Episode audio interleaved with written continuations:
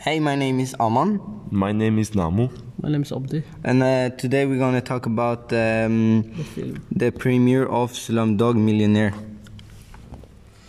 The film, the main character is Jamal. He, he- Jamal put uh, two TV so before TV. He was combination with before becoming millions. They meet uh, their parents since they died.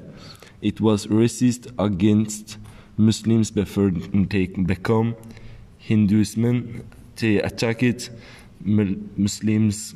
They were uh, little kids fighting. It was like someone was trying to fool Jamal before making a mistake with competition. It was so wet by, by day, showed by mirrors. Slim was shocked by the tub.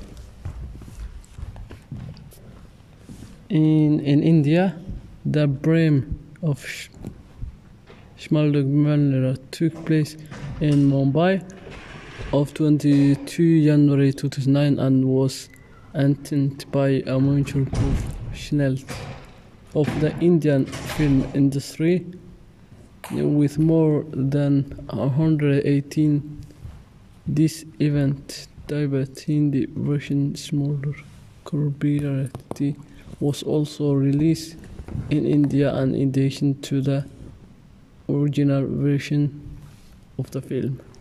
A 2018 British drama film that is a loose adapt- adaptation of the novel Q&A uh, 25, uh, 2005 by Indian actor Vik- Vikas Swarup telling the story of 18-year-old Jamal Malik from the Juhu slums of Mumbai.